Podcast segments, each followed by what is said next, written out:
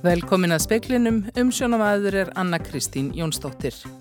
Björgunarsveitir að Suðvestur hodninu voru kallaðar út síðdeis vegna göngu fólks við góðstöðarnar á Reykjaneskaga. Fólkið hunsaði tilmæli og fór af stað þrátt fyrir að gönguleiðir í Meradali hafi verið lokaðar vegna veðurs.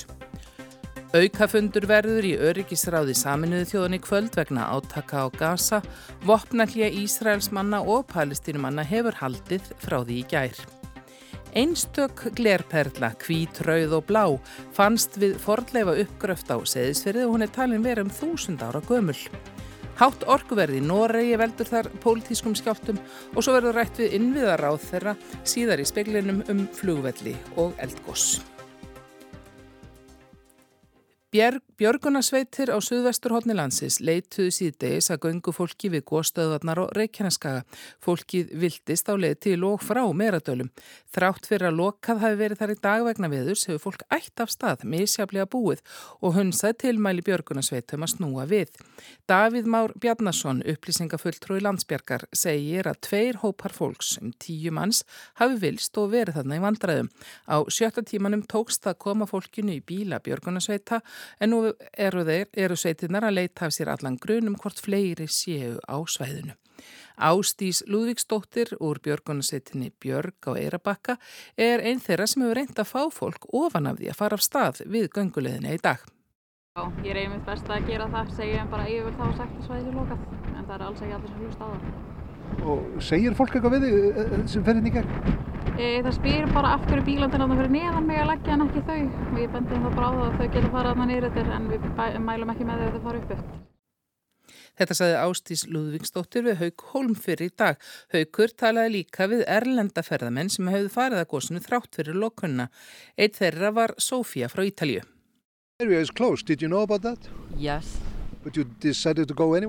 Yes. Uh, this morning uh, the weather was uh, better, a little bit better, so we decided to try. But when we un understand that the situation wasn't safe, uh, we decided to go back. Saði Sofía. Hún saði að veðri í morgun hefur verið betra og þrátt fyrir að þau hefur vita á lokunni, hann var ákveð að halda af stað, en snúi við þegar ljóst var að aðstæður voru hættulegar. En svæðið er lokað eins og áður saði, vonast er til að það verði opnað aftur á morgun þegar betur viðrar. Öryggisráð saminuðu þjóðana hittist á aukafundi klukkan sjö í kvöld vegna átaka undanfarna daga á gasasvæðinu. Vopnallið var samþygt í gær og hefur haldið síðan. Kína fer með forsæti í öryggisráðinu um þessar myndir og búiði til fundarins á laugardag. Xiang Jun, sendi herra Kína gagvart saminuðu þjóðunum, lísti þungum áhyggjum af stöðunni. Til átaka kom á förstu dag eftir að Ísraelar handtóku leðtoga ansbyrnur hefingarinnar PIJ. Palestínska heilbriðisröðunitið segir 44 hafa farist í árásum Ísraela og ríflega 300 særst. Ísraelski herin telur 35 hafa farist þar af 11 almenna borgara. 15 til viðbótar hafi farist í árásum PIJ. Engin Ísraeli fórst í átökunum svo vitað sé en þau voru þau mannskeðustu í rúmt ár. Gílad Erdan sendi herra Ísraela gagvart saminuðu þjóðunum, sagði í aðdraganda fundarins að PIJ beri alfarið ábyrð á átökunum. Samtökin hafi skilt sér á bakvið almenna borgara og því framið stríðsklæpi. Egipsk sendinend hafði milligöngu um viðræður og milli stríðandi fylkinga. Í gerðkvöld náðist að samþykja vopnallið sem hefur haldið. Palestínumenn og Ísraelar áskilja sér þó rétt til að svara nokkru broti á vopnallið samþyktinni. Ekki er búist við að öryggisráðið gefi út yfirlýsingu eftir fundin sem á að hefjast eftir tæpa klukkustund. Þórgnýr Einar Albertsson sagði frá. Einn sjúklingur með COVID liggur á gjörgjastludeld landsbítalans í öndunarvél. Samtals eru 28 sjúklingar með COVID á landsbítalanum. Í síðustu viku voru þeir 36 þegar mest var. Óvissu stig tók gildi á spítalanum á föstudaginn. Allir gestir þurfa að vera með grímu og heimsóknir takmarkast við einn gest. Markskonar skrautmunir, perlur og fagri steinar frá fyrstu öldum Íslandsbyðar hafa fundist við fordleifa uppgröft á seðisferði. Einn perlana verist meira sig að vera í íslensku fánalitón. Bein manns og hests fundust í kumli, spjót, bátasaumur og fleiri hjártgripir brotur silfurhing og næla sem einnig er talin úr silfri. Minnigripir á borðið tarpmenn, skart og perlur hafa fundist en einn þeirra verið skarta litum íslenska fánans sem hefur verið þjóðfáni frá því 1915, bláum, hvítum og rauðum. Ragnheður Traustadóttir, forlega fræðingur sem stjórnar rannsókninni, segir perluna alveg einstaka og aldur hennar rækinn til tíundu eða elleftu aldar. Við settum frétt á, á Facebook, mér sínist allir fá þessar sömu tilfinningu þess það þarf ekkert vall að segja það, en mann sjá íslenska fánunins og velta fyrir sig hvort það verið spámaður í í fortinu sem hafi, hafi gert þessa hérna perlu en það er ónefnilega skemmtileg hún er eina mörgum perlun sem við verðum að finna en, en kannski svo skemmtilegast út, út frá þessum þessari samsetning og litunum og ég hef ekki ekki fundin inn aðra eins, þannig að hún verður kannski algjörlega einstök. Enga líkur á þetta sé bara eitthvað nýra en annað sem er þarna? Nei, það er enga líkur því. Þetta er undir þessari skriðu og hérna, þetta er í öskuhaug sem við erum að grafa upp núna sagði Ragnhildur Tröstadóttir, Markus Þóraldsson talaði við hana. Erlendur ferðamaður fann mannabein, stakt kjálkabein á Snæfellsnes í síðustu viku. Fordleifafræðingar, kenslanemnd og rannsóknardeild lauruglunar á Vesturlandi vinnaði rannsókmálsins meðal annars hvort jarðvegur sem fluttur var nýlega þangað sem beinið fannst hafi verið nálagt þekkt um gravreit. Aldurskreina á beinið og bera frekari kennsláði eftir því sem hægt er, ekki likur fyrir hversu gamalt það er og hvort það flokkist reynlega til fordlefa. Heimastjórn fljóðstalsjeraðs leggur til að sveitarstjórn Múlaþings hefji viðræður við innviðaráðunni um frekari uppbyggingu eigilstaðaflúvallar í ljósi jarnræringa og reikineskaga.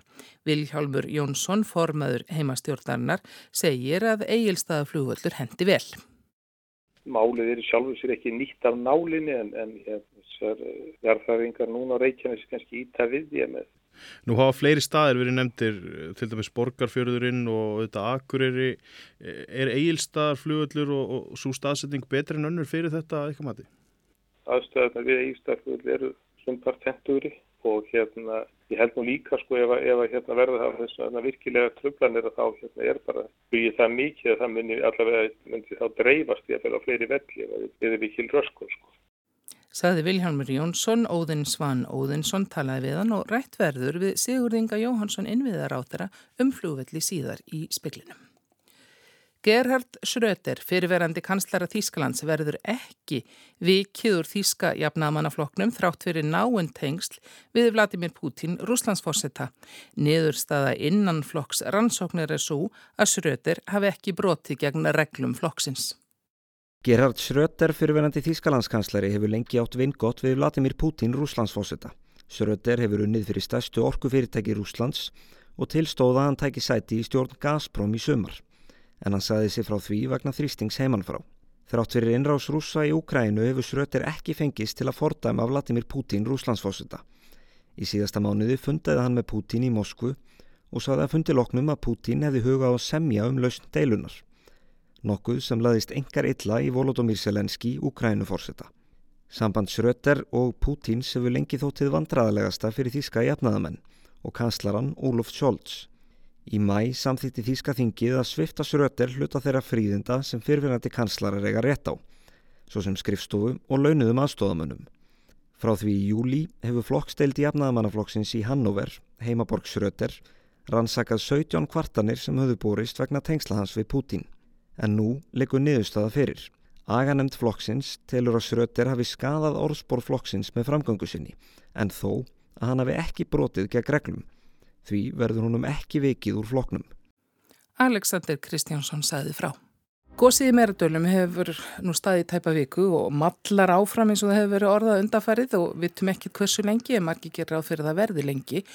Ögnablikinu þó er nú ekki mikil tröflun af þessu gósi, nema kannski helst fyrir björgunarsveitirnar og viðbrasaðilega þarna söðu frá, en þetta hefur vakið upp vangaveltur um öryggi keflauguflugvallar, aðal millilanda flugvallar okkar og hvar heppilegast væri að hafa varaflugvall fyrir millilandaflugið. Eh, Sigur Ringi Jóhansson, innviðar á þeirra, kontur sæl og velkomin. Kvassarhaun hefur ítrekka verið nefnt sem kostur og nú segir menn já þetta er nú svolítið nálegt eldsumbrotum. Það getur ekki verið að þetta sé það sem við sötsum á núna. Nei, komið sæl.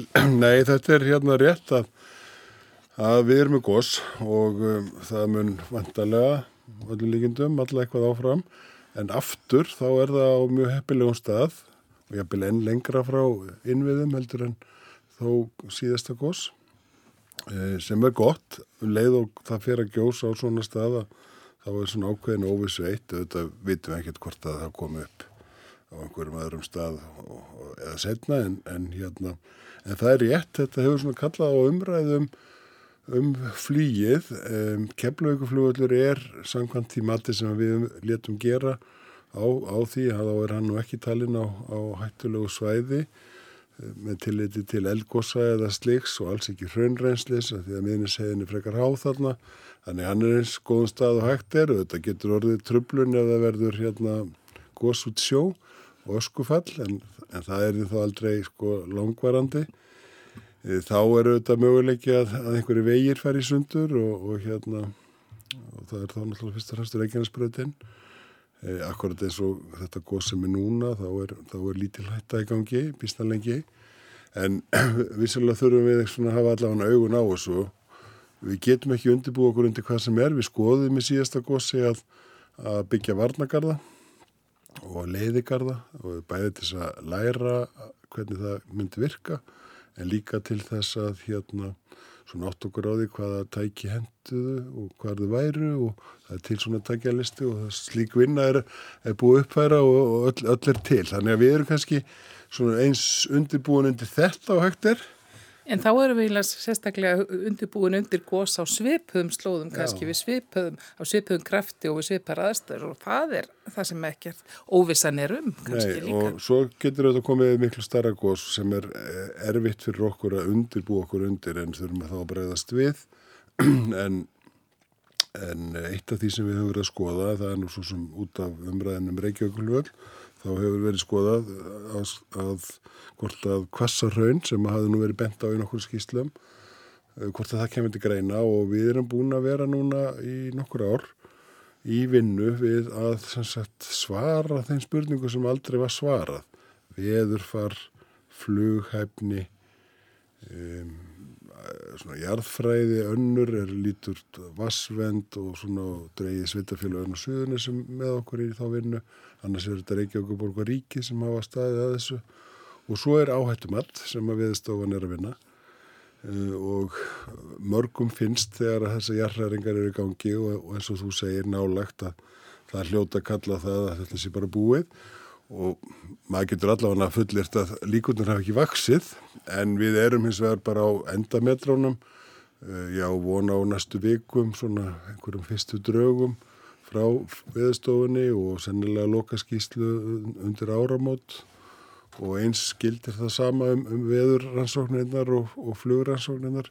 Það eru allar að ljúka í vetur og við sjáum fyrir okkur að þessari vinnu geti verið lokið endarlega í februar-mass. Og ég held að það sé mikilvægt, allra hluta vegna, að leifa þessum ágættu vísindamennum okkar að klára þá vinnu og gefa út sína skýslur og þá getum við á betri hátt tekið trúverðu umræðu. Alveg saman hvað okkur finnst, þá erum við allavega með þau gögn með okkur. Og það verður, ætti að verða ljóst þá bara í, núna í, í september eða? Já, allavega í vetur, síðasta lagi þá í februarmas. Mm. Já, þá ekki fyrir kannski eftir áramótin.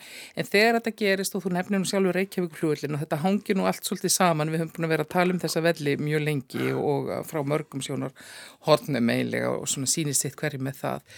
Eh, Er, er þetta, ítir þetta undir það að menn haldi Reykjavík? Ja, ég hef allavega sagt sko og þess vegna gerðum við samkómulag ég var borgarstjóri hérna 2019 um að völlurinn yrði það sem hann er í, í óbreyttri mynd með flugöryggi og rekstraröryggi. Eh, vegna þess að það er mikilvægt að við tryggjum öryggið. Hann er einn af þremur varaflugöllum alþjóðaflugsins á samt eigilstöðum og akkurýri Við unnum síðan sko flugstefnu þar sem við leggjum áherslu á að byggja upp eigilstaði sem megin varaflugvöldin fyrir að geta tekið á móti flugvöldum eða kemur upp eitthvað óvænt atvik á eigilstöðum og samahátt að byggja upp akkurýri líka þannig að báðir geti þjóna sem allþjóðflugvöldir en líka þá Reykjavík vegna þess að, að svo staðhæfing hefur staðið uppi að, að það þurfi tvo flugvöldi hér vestan helseðar til þess að tryggja fluguriki og þess vegna hafa nú menn verið að leita af semst einhverjum öðrum en Reykjavíkuflugulli. Nú síðan er, er hérna held ég bara að það sé mikilvægt að tryggja að þessi starf sem ég sé í lægi á meðan að ekki annað finnst. Við erum að fara inn í ferli orkuskipta, við erum að fara að sjá hér inn, innanlandsflugi verðar ramasflugular, vantarlega 20 seta vélar, það er það sem að svíjar er að stefna á að fljúa eftir fjögur eða fimm ár. Þannig að landslægi er að breytast verulega. Innan, innan mjög forra ára. Já. Og þá er þetta að tala um flúguvelli, það sem er hvorki hávaðin í mengun, stittri velli jafnvel, fyrir innlandsflöð. Og jafnvel fyrir mittilandaflöð, þó að kannski verði í þeim orgu skiptum kannski einhvers konar rafeldsneiti eða vettni. Við vi vitum það ekki alveg nákvæmlega. Heldur að þetta getur orðið til þess að það er eitthvað meiri sátt á um Reykjavík-flugvel því það hefur náttúrulega verið svona tvíbend það er annars vegar ónæðið vellinum eða möguleg hætta, ja. hins vegar hafa minn hort til bara byggingarlands ja, ég, og, sérsta, og núverandi borgaröföld. Ég held allavega ná meðan að, að við búum við svona óvissu tíma eins og við sannlega gerum með stríð í Evrópu, með jarðhræringar og elgóð sem að geta ógnað svona að hluta til efnaðarslegu tilveru okkar, þá eigum við bara anda með nefinu, við erum að vinna ákvæmna vinnu í kvassarunni, leifum henn að klárast, skoðum svona hvernig hlutnir er að þróast. E, það tekur mjög langan tíma að byggja upp alþjóðlegan varaflugall með flugstöðum og allri þjónustu, það getur sannlega tekið alltaf 20 ár.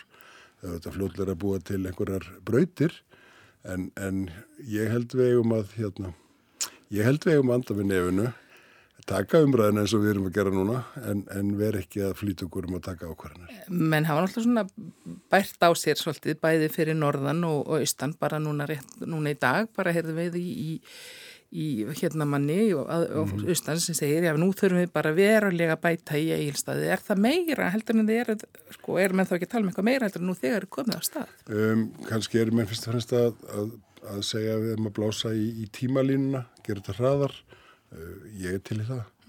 Við erum svo sett að, að hérna, að það verði að vinna skipulag og hönnun á eilstöðum. Um, það átti nú ekki að vera klárt fyrir framkvæmdir fyrir enn 24 eða mann rétt. Kanski er hægt að flýta því eitthvað. Við erum á fullu, fullu í uppbyggingunni á Akureyri. Kanski er hægt að spýta því aðeins upp. Við höfum verið með hugmyndur um að byggja betri þjónustu hérna á, á Reykjavík-flugöldi, nýja flugstöð. Já, hún er nú komið nokkuð til ára sinna. Reynur bara á sama stað, já, mörgur maður hægt að kalla þetta flugstöð, en, en hérna, e, sem sagt að byggja þá þjónustu upp til þess að, að hérna það sé hægt að þjónusta fólk alminnilega ef að við þurfum að nota hann eitthvað meira tímabundið vegna jarðræringa Eh, það breytir því ekki að jafnvel þó svo að völlurinn færi í einhverju, einhverju framtíð, hvort sem væri hérna, já, einhverju áratíi, þá er þetta hús ekkert að fara sko. Hvað þarf, kallar það mikla pening núna? Cirka miljard á í þessa flugstöð, kannski er rúmlega það sem að væri hægt að síðan að standa undir í, í, framtíðinni með, með þjónustu. Erum við búin að finna þá pening? Já, við vorum langt komin með það en þetta svona, þarf svolítið kannski kjarku ákvarðan og tökur til að bara vaða í verkið vegna þess að umræðan alltaf svo neikvæði kringum þetta. Eh, það sama gildir um, um hérna bæði Akureyri og, og Eilstæði. Það eru nokkru miljardar sem þarf auðvitað til uppbyggingarnar á Eilstöðum. Það er flugbraut og það verða leggja slitlag á núverandi flugbraut og Svo hafa menn þar verið með hugmyndur um að lengja flugvöldin til þess að geta tekið þátt í, í hérna, meiri alþjóðlega flugi og kannski fraktflugi vegna fiskheldis og, og sjáurútöks.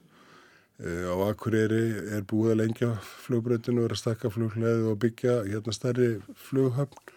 Þannig að já, ég, við getum alveg svona setja aðeins meiri kraft í, í þetta og ég býstu að það sé það sem menn sé að kalla eftir. Þakkaði fyrir Sigur Ingi Jóhansson, innviðar á þeirra.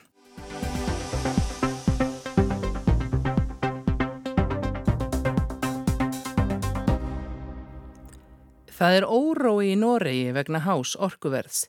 Fyrirtæki landsins þurfa ofta borga jafnverðið 70 íslenskra króna fyrir kilowattstundina. Norsk fyrirtæki missa smátt og smátt forskot sem það hafa haft á evropsk fyrirtæki vegna þess hagstaði orkuverð sem var í Noregi. Þessu fylgir krafa meðal flokka bæði í stjórn og stjórnar andstöðum að eitthvað verið gert í málunu en það er ekkit samkúmulag um hvað ber að gera.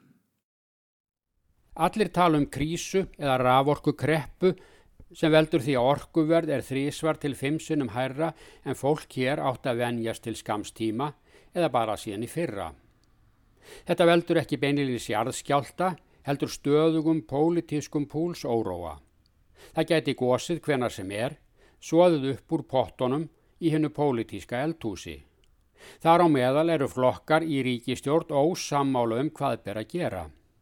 Þess vegna hefur verið bóða til krísufunda á þingi og í ráðuneitunum og Jónas Garstöri fósættisráþara kallar á teppið bæði í fjölmiðlum og þingsölum. Han var spurður i rikisútvarpinu hvaða krísa þetta væri. Ja, med utgangspunkt i Europa, eh, hvor vi har krig, så er det en krise i det europeiske energisystemet som vi også er en del uh, av. Er. Það er krísa á evróskum orkumarkaði vegna stríðsins í Úkrænu, sagði fórsættisráþara en það er ekki orku skortur á meðan enn er nóg í uppustöðulónunum. Gaggrínendur vildu bæta við að krísan er líka vegna þess að norska raforkunetið sunnan Dóvrafjalla er nú beint tengt við evróska raforkukerfið með sæstrengjum. Það þýðir að orkuverð fylgir hinnu evróska orkuverði sem sögulega séð hefur verið mun hærra en hið norska. Norðan Dóvrafjalla er orkan enn á lágaverðinu vegna þess að raforkunetið er ítla tengt við evróska markaðinn. En fósætisráþara er ekki vafum að verð á ráðmagni fellur ekki í bráð. Bæði vegna þess að stríðið getur varað lengi og það getur orðið þáttaskil í norsku atvinnilífi vegna þess að raforkuverð verður hærra á komandi árum hvað sem stríðun í Úgrænu líður. Grísan er sem sagt markþætt. Hluti vandans er raforkuverð til almennings Þar móð þó heita friður að kalla því ríkistjórnin hefur frá því vor nýður greitt orkureikninga venjulegs fjölskyldufjóls til að mæta hækkuðu orkuverði. Ramagsreikningur almúans hefur því ekki hækka nefnum 10-15% eða svo. Markaðsverð hefur hins vegar nú síðsumars verið á rólinu 50-70 krónur á kilowattstundina mælt í íslenskum krónum. Það er verðið sem fyrirtækin borga og þar er vandin óleistur núna. Þetta leiðir á sig kröfu um niðurgreifsla og rafmagn til fyrirtækja. Að öðrum kosti blasi gjaldtrót við. Forsættisráð þeirra útilokar ekki einhver gjaldtrót vegna orkuverðsins. At det går noen bedrifter konkurs i en økonomi som vår, det skal vi leve med. Det må vi? Ja, det, jeg tror vi også må tåle å leve med at det skjer noen steder. Men, men det er við verðum også... bara að þóla að einhver fyrirtæki fari í þrótt í hagkerfi sem annars gengur mjög vel, sagði Störi í umræðu þættu í ríkisútvarpinu og þótt merkilegt með heita þá er hægri flokkurinn, flokkur Ernu Solberg fyrrum fórsættisráðra, á sömu línu og verkamannaflokkur Störes fórsættisráðra. Tveir stærstu flokkarnir í stjórn og stjórnarandstöðu vilja fara sér hægt í að stýra aðstæðum á raforkumarkaði. Láta markaðin ráða orkuverðinu og gríp ekki inn nema það verði orkuskortur og þörf og skömmtun á rafmagni. Höfuð anstæðingarnir eru því sammálum að gera ekkert í málinu núna, setja í nefnd og skoða það aftur eftir halvan mánuð. Í þessu efni eru flokkar bæði í stjórn og stjórnar andstöðu á allt öðru máli. Það eru órói vegna orkuverðsins. Það er viljið til að loka fyrir allan útflutning á ramagni og koma orkuverðinu undir ofinbera stjórn. Orkufyrirtækin sem reyndar eru flest í eigu ríkis og sveitarfélaga, græða vel við núverandi aðstæður og hafa aldrei áður skilað svo miklum hagnaði. Markaðurinn virkar vel séð frá sjónarhóli seljanda orkunar og eigenda sæstrengja og raflína, en kaupendur kvarta.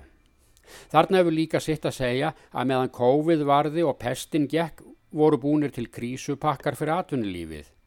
Eftir á heikja virðist sem þeir hafi verið óþarfir. Sama gæti gilt um krísupakka vegna raforkuverðs. Saði Gísli Kristjánsson sem talaði frá Noregi.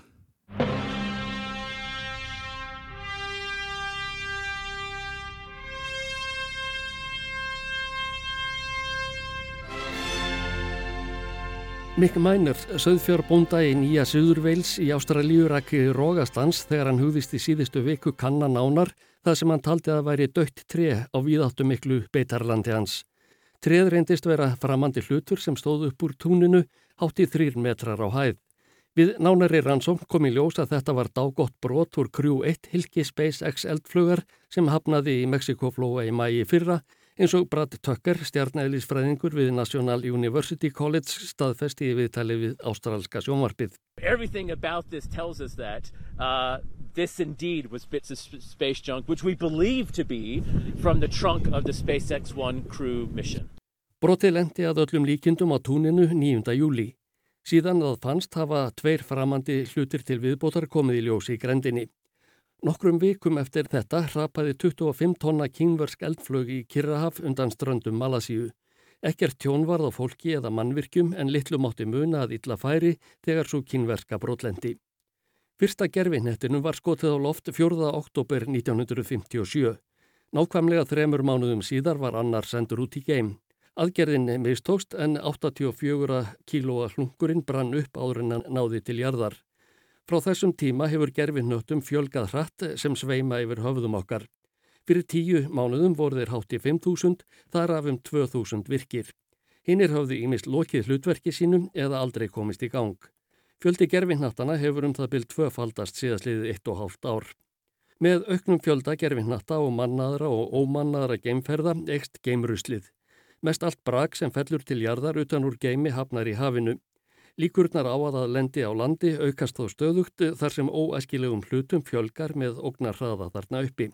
Samkvæmt nýjustu tölum frá Geimvísindastofnun Evrópu, ESA, sveima þar að minnstakosti 36.500 hlutir sem eru stærri en 10 cm í þvermál. Þar er um það byl 1 miljón hluta sem eru 1-10 cm og 130 miljónir sem eru 1 mm til 10 cm í þvermál. Mest eru þetta gamlir, ónótæfir gerfinnettir, hlutir sem hafa brotnað úr eldflögum, boltar, málningarflísar og fleira. Don Polacco, professor í stjarnæðirisfræði við Vorvik Háskóla í Breitlandi staðfestir í viðtali við Breska ríkisútvarpið BBC að afar sjálfgjaft sé að geimrusl lendi á jörðu niðri. Hann segir að eitthvað falli utan úr geimnum á hverjum degi en nánast allt sem ekki brennur upp á leiðinni niður lendi í sjónum. Hann gerir lítið úr hættunni á að það lendi á fólki. Einungist er viðtaðum eitt tilvik. Lotti Williams varð fyrir því árið 1997 í Oklahoma í bandaríkjónum að smábrak lendi í auksl hennar. Hún slapp ómeitt. Eitthvað er þó um að sjáist á húsum þegar þungt brak lendir á þeim. Það gerðist einmitt á Fílabinströndinni árið 2020 þegar leifar af kínverskri eldflög höfnuðu þar. En hættan sem stafara geimrusli fer vaksandi eftir því sem það eigst. Samkvæmt rannsókn sem gerð var við háskólan í Brösku Kolumbíu í Kanada og var byrti í síðasta mánuði eru 10% líkur á því að einn jarðarbúi eða fleiri láti lífið af völdum geimrusls á næstu tíu árum. Don Polacco, professor, gerir þó lítið úr hættunni.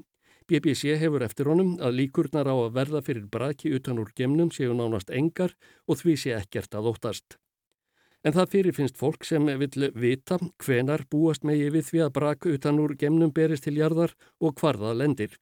Þeirra á meðal er hópur vísindamanna við háskólan í Suður Kvinsland í Ástralíu. Hann hóf fyrir á þessu ári að finna leiðir til að fylgjast betur með ruslinu.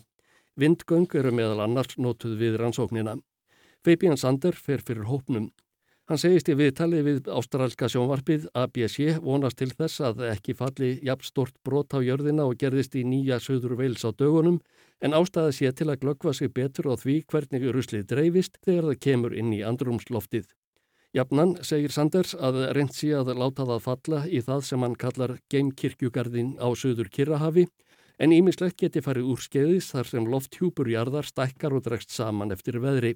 Aðstæður í efri hluta hans séu mismunandi og því geti eitthvað alltaf farið úr skeiðis. En Fabian Sander minnir á að fólk þurfi ekki að hafa áhyggjur af því að verða fyrir öldruðum og úröldum gerfinnetti þegar það fer út að viðra sig. Aðeins ein manneskja hafi fengið hlut utan úr gemnum í sig til þessa og hún hafi sloppið ómeitt. Áskeir Tómasson saði frá. Gul veðurviðvörun gildir til hádegis á morgun á Suðurlandi vegna regningar og þá hann búast við að mikið regn til fjalla, vatnavöxtum í ám og að vöð getur orðið varasum eða ófær. En annars verður hægari vestlag átt og dregur úr vætu setnipartina á morgun. Fleiri er ekki speklinum í kvöld, tæknum aðri útsendingu var Magnús Storstedt Magnússon, veriði sæl.